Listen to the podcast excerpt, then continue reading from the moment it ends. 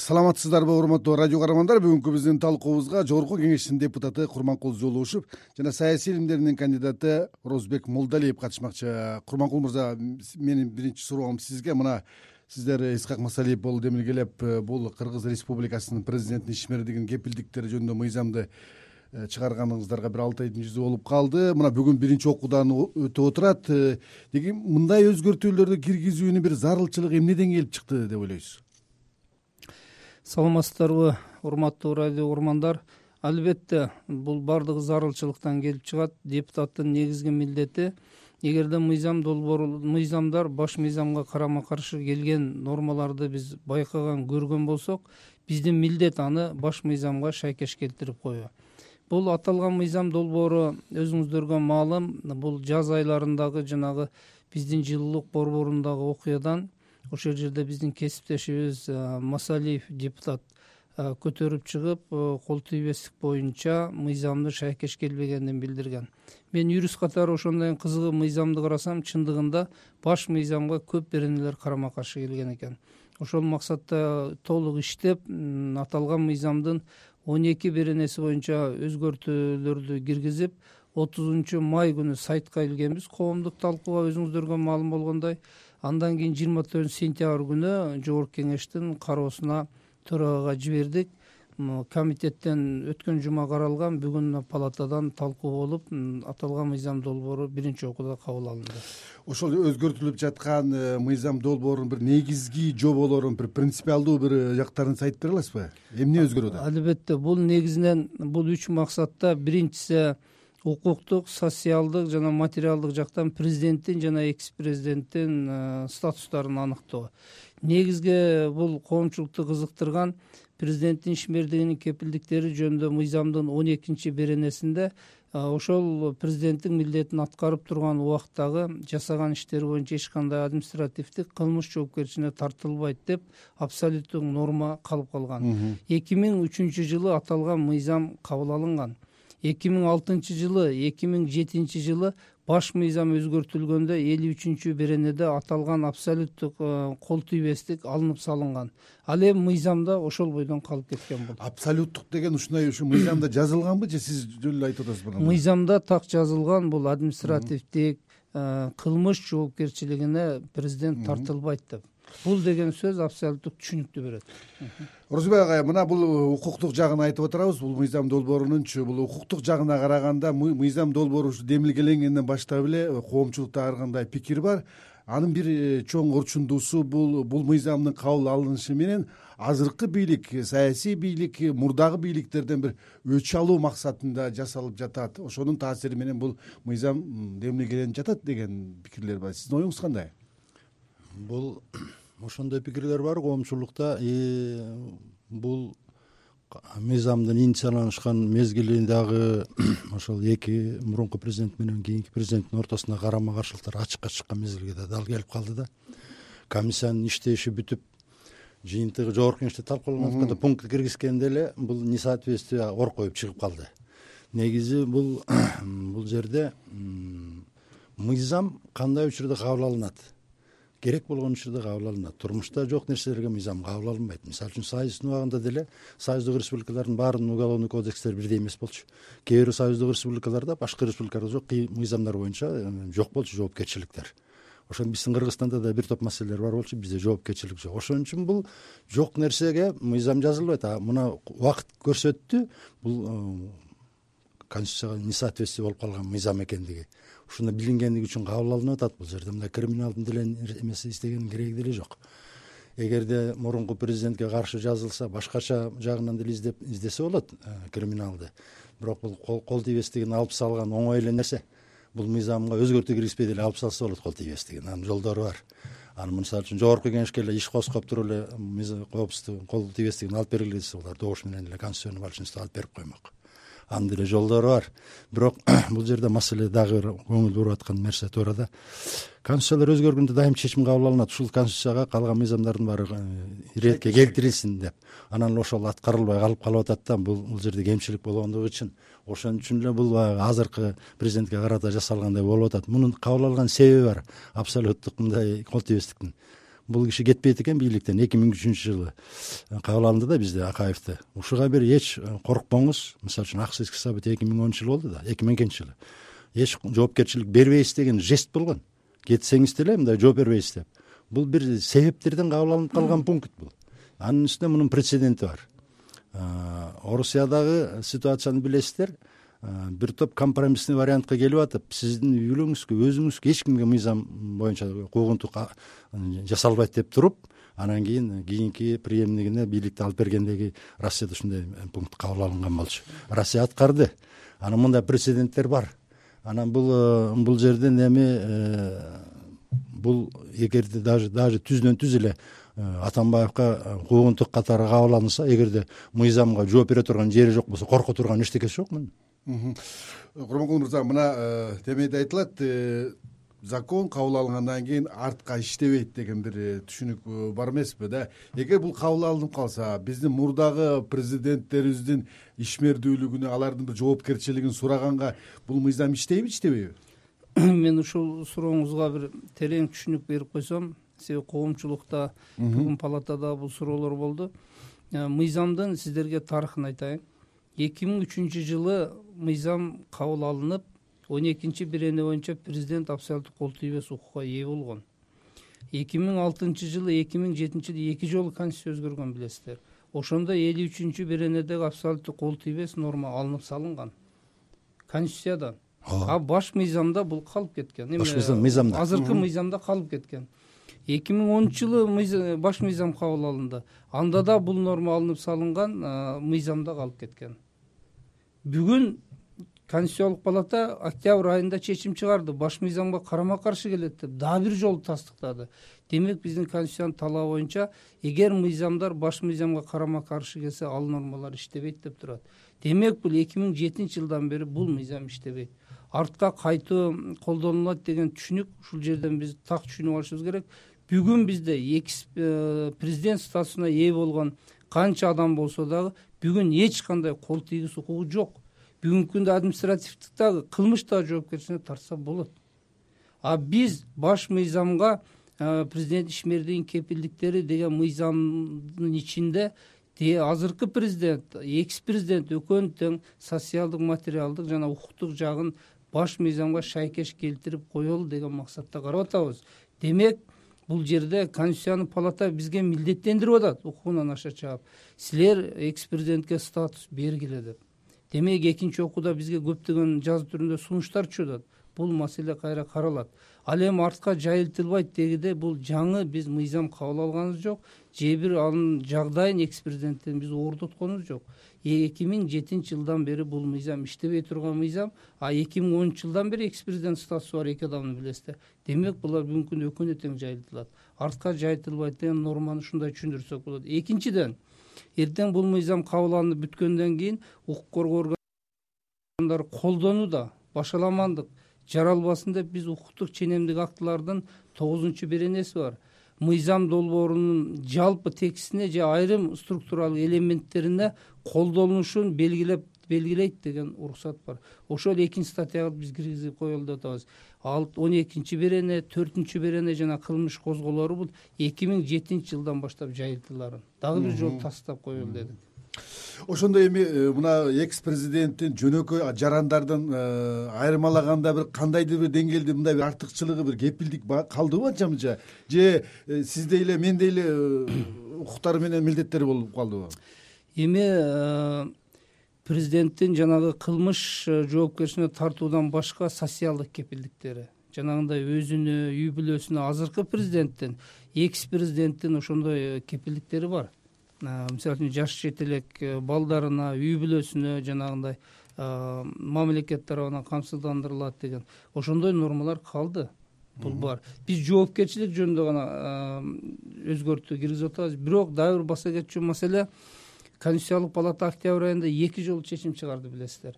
Биринчисинде төртүнчү беренедеги жана президент экс президент президент өзүнүн аброй ар намысын прокуратура аркылуу коргой турганга түшүнүк берип атышат алар президент өзү арызы менен кайрылыш керек андан кийин моралдык ущербтен чыгымдын өлчөмүн аныктап бериш керек деп.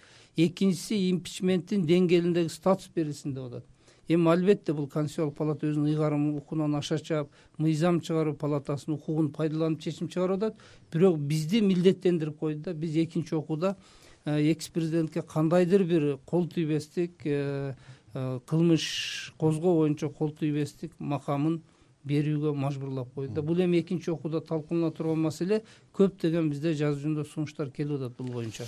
Орозбек агай мына эми баары бир э, мындан он жыл мурдага караганда президенттин экс президенттин э, статусу бир топ төмөндөп же болбосо жеңилдеп атат десек болот окшойт да.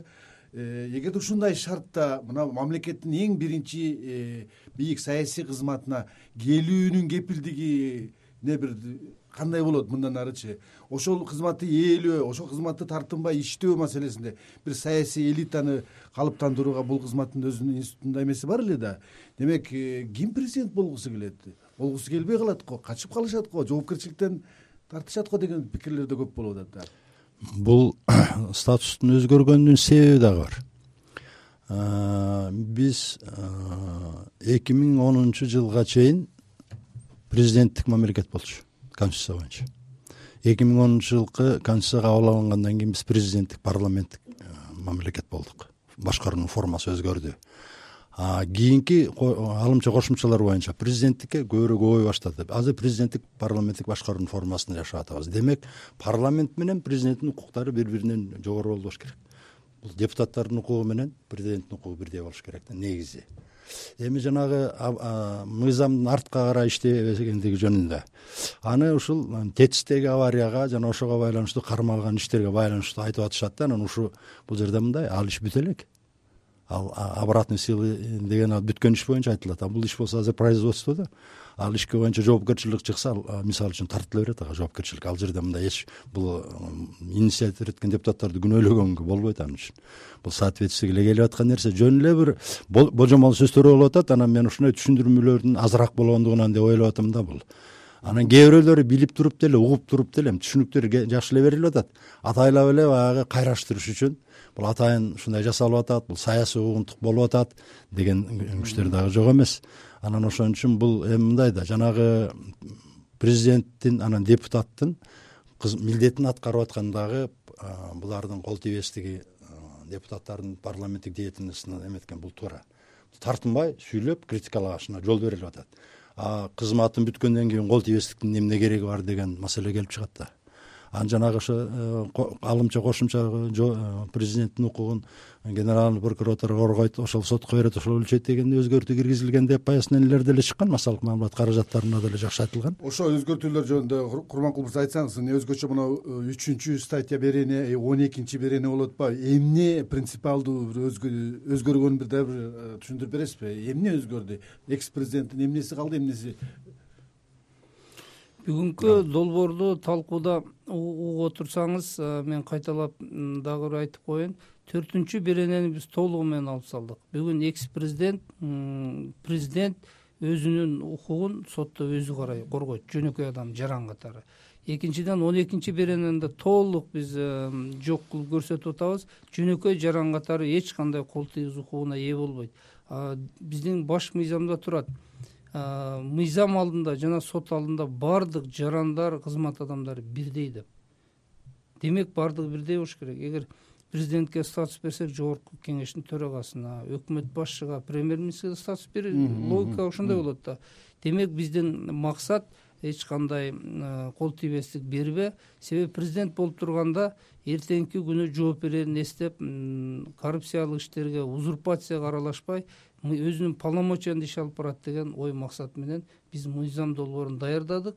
Биринчи окууда кабыл алынды бул орозбек агай мына э, биз демократияны куруп аткан мамлекет эмеспизби? Демократиялык башка мамлекеттерде экс президенттердин статусу кандай? Алардын бир мыйзам алдында жоопкерчилиги кандай э, сакталган кандай өлчөнгөн? Деги эле э, экс президенттер мындай кылмыш жоопкерчилигин тарткан учурлар барбы? Андай учурлар көп эле. Айтып бериңиз кайсыда демократиялык мамлекеттер мисалы үчүн түштүк кореянын мурунку жетекчилери камалып кармалып сот жобуна жооп берилип атат.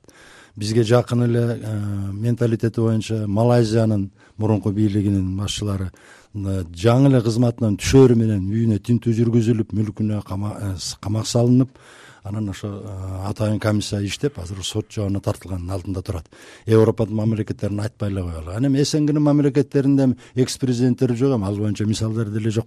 Бирок грузия башка мамлекеттерде мындай куугунтук арменияда болуп атат жаңы эле башталып атат да мындай процесстер.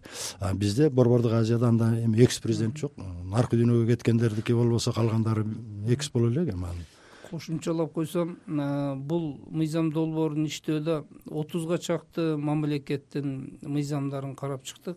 Ошонун ичинде мына монархиялуу өлкөлөрдө эми өзүңүздөр билесиздер. Ал жерде падыша. падышачылык башкача ал эми калган мамлекеттерде айрыкча батыш жана башка көп мамлекеттерде эч кандай президентте кол тийбестик укук жок. Чөнөкөй жаран катары гана. Ал эми биздин мына пост советтик өлкөлөрдө гана ушундай кол тийбестик макамдар берилиптир мамлекеттерге. Ошонун баардык практиканы карап чыктык.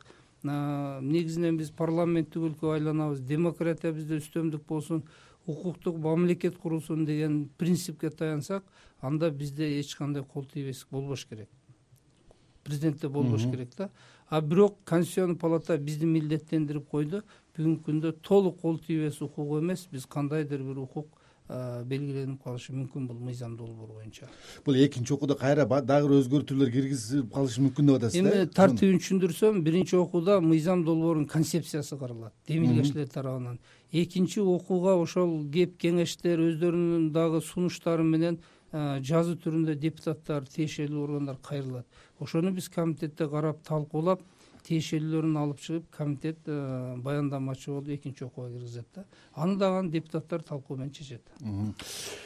Орозбек агай мына кыргызстанда бир жаман адаттай болуп сезилип аткан учурлар да бар. Могу мурдагы президенттерди кийинки президенттер же болбосо мындай жамандап же болбосо коомчулукка жаман көргөзүп бизде ушундай бир эме уланып келе жатпайбы. Деги эле бул кыргызстанда бийликтин эң башкы даражасын э, кантип бир э, демократиялуу же болбосо кубаттуу же болбосо барктуу нарктуу бир бийлик институтуна кантип айландырабыз мунучу? Канткенде биз ушу жакшы калыптанган жолго түшөбүз. Же бийликтин системасын дагы башкача өзгөртүш керекпи анда бул аябай чоң маанилүү суроо. Бул саясий маданияттын калыптанып келаткандыгынын белгиси десек болот да бизде саясий маданият эмес. Маданияттын деңгээли деле төмөн түшүп кетти. Союз кулагандан кийин э, саясий элита дагы алмашып кетти бизде. Өзүңүз айткандай бул боюнча жүрүп отурса президентке деле киши чыкпай калат деп айтасыз эми бул бир жөн эле ой айтылган кыргызда андай жок. Өлсөм да президент болуп өлөйүн дегендер көп. Президенттикке талапкерлердин саны жылдан жылга көбөйөт азаят деп ойлобоңуз. Ошон үчүн бул жерде ал жагынан кейибеңиз президенттикке адамдар чыгат. Анан жанагы президентке баргандардын баары эле мен кол тийбестикке ээ болоюн деген ой менен барбайт. Жакшы ой менен эле барышат эми президенттер деле. Анан жөн эле заведомо эле ушундай күнөө кылып анан акталып калайын деп барыптыр деген ойдон алыспыз. Бирок жанагы айтып аткан оюңуз боюнча негизи кызматтан кеткен адамды көзөткөн адамды жамандаган бул эч кандай этикага жатпайт да. Убагында ачыш керек сынды. Кийинки айта турган сын бир мемуарларында биздин мемуаристика азыр жанданып келатат. Мурун мындай болчу баланчадай болгон шайлоодо мындай болчу деп эле жалаң эле бир компроматтар жазылган адабияттар пайда болду да. Бул деле жакшы нерсе эмес убагында айт убагында сыныңды айт өтүп кеткенден кийин айткан бул жакшы нерсе эмес да. Бул бул маселе боюнча бул мына азыркы эмеде деле мисалы үчүн э, экс президентибиз азыркы бийликтеги президент боюнча кийинки кездерде уже улам улам эс алып эле анан интервью берген башталып атат. Бул деле жакшы тенденция эмес. Убагында айтылып убагында сын анан достук сын дегендерди анан көзмө көз эки киши көзмө көз гана айтыш керек да бул маселени болбосо артынан айткан маселе бул. Исламда деле бул ушак айтылган нерсе өлгөн адамдын этин жегенге барабар деген түшүнүк бар да анан ошо өлгөн адамдын этин жебей эле жакшынакай жашаш керек да эми чынын айтканда. Курманкул мырза мына сиздер президенттин ишмердүүлүгүнүн статусун конституцияга шайкеш келтиребиз деген аракет болуп атпайбы? Эми бийликтин башка да бутактары бар да өкмөттүн статусу деген бар соттун статусу деген бар дагы башка статустар бар. Аларды дагы бир конституцияга шайкеш келтире турган зарылчылыктар барбы? Албетте сөзсүз мен биринчиден агайга берген сурооңузга кошумча айтып койсом канткенде биздин мыйзамдар идеалдуу оңолот деп атпайсызбы? Ооба. Биздин мыйзам баш мыйзамды биз бир адамдын кызыкчылыгы кызыкчылыгы же бир саясий топтун кызыкчылыгы үчүн эмес. Жалпы кыргыз элдин кыргыз мамлекеттин кызыкчылыгы үчүн жазсак ошондо мыйзам иштейт. Мына биздин мыйзамда ошондой мааниде максатта жазылып атат бул бир президентти артынан куугунтуктоо же кийинки президентке артыкчылык берүү эмес. Жалпы эки истеген статус алган президенттин баардыгы ушул мыйзамга баш ийип ушул мыйзамды ойлонуп жашасын деген максатта биз кабыл алып атабыз. Бул теңчилдик болсун деп эгерде мамлекеттин кызыкчылыгын көздөп алынган мыйзам сөзсүз иштейт. Бир топтун бир адамдын кызыкчылыгы болсо ал албетте мындай мүчөчтөр чыга берет. Бул жагы экинчи жагынан сиз айтып атасыз соттун өкмөттүн деп. Албетте сотто өкмөттө карама каршы келген мыйзамдар толтура. Өтө көп. Бизде э, бир э, министерствону алсак өздөрүнүн канча мыйзам положениялар бар кандай карама каршы келет бүгүнкү күндө толук билишпейт. Бир эле мисал алсак мына өкмөт башчы бүгүнкү күндө акимдерди жана он алтынчы жылы баш мыйзам өзгөртүлгөн деп билесиз. Ошонун негизинде акимдерге указ менен дайын деп атат а мыйзамга өзгөртүп алып келди көрдүңүзбү карама каршылыкты бул жерде кылмыш турат. Ушундай бизде мыйзамдын аткаруучулугунан аксап турабыз. Буну бизде укук коргоо органдары терең мыйзамды түшүндүрүп жана көзөмөл кылган органдар өз милдетин аткарыш керек да. Ошондо бунун баары жолго салынат. А биз депутат катары өз милдетибизди аткарып шайкеш келтирип өзүбүз байкаган мыйзамдарды биз коомчулукка алып чыгып кабыл алып мыйзамды аракет беришибиз керек. Розиба агай деги эле могу бийлик бутактарынын бир жоопкерчилигин коом алдында жоопкерчилигин арттыруу максатында бир укуктук моралдыкпы же кандай бир принциптерди иштеп жогорулатыш керек го дейм? Сиздин оюңуз кандай бизде эми мынау депутат өзү деле тажрыйбалуу юрист бул билет. Мыйзамдардын бизде канча процент иштейт дегенге кызыккан киши жок да. Мыйзамдар бизге негизинде көп эле мыйзамдар иштебей жатат. Башканы эле коелук мына ошо жолду карайлы. Баарыбыз эле жол менен жүрүп атабыз өзгөртүү киргизип атабыз жаңы э, реформа киргизип атабыз деген эл жадап бүттү ошол убадаларга кеткен акча менен жолду жаңы ушунакай кылып оңдоп койсо болот эле да. Бул жагы иштебей атпайбы. Немистердин макалы бар. У кого дорога у того и власть дейт. Жол кимдики болсо бийлик ошонуку дейт. Жолго тартип сала албаган мамлекетибиз каягына тартип салып атат деген эл бирөө келсе ойлойт да. Манастан бери келаткан чет чет мамлекеттик киши деле. Айланайын. Бул эмне деген мамлекет деген сөзгө келбейби рахмат урматтуу эксперттер. Бүгүн келип бизге маанилүү маселе боюнча маек курганыңыздар үчүн. Урматтуу э, радио каармандар бүгүн биз экс президентти кол тийбестигин ажыратууну көздөгөн мыйзамды кабыл алуунун негизги себеби эмнеде ал жараян баш мыйзамга шайкеш келеби же келбейби деген теманын тегерегинде кеп кылдык. Бүгүнкү биздин талкуубузга жогорку кеңештин депутаты курманкул жолошов жана саясий илимдердин кандидаты орозбек молдалиев катышты. Берүүнү мен бакыт орунбеков алып бардым. Кайрадан эфир аркылуу жолукканча саламатта калыңыздар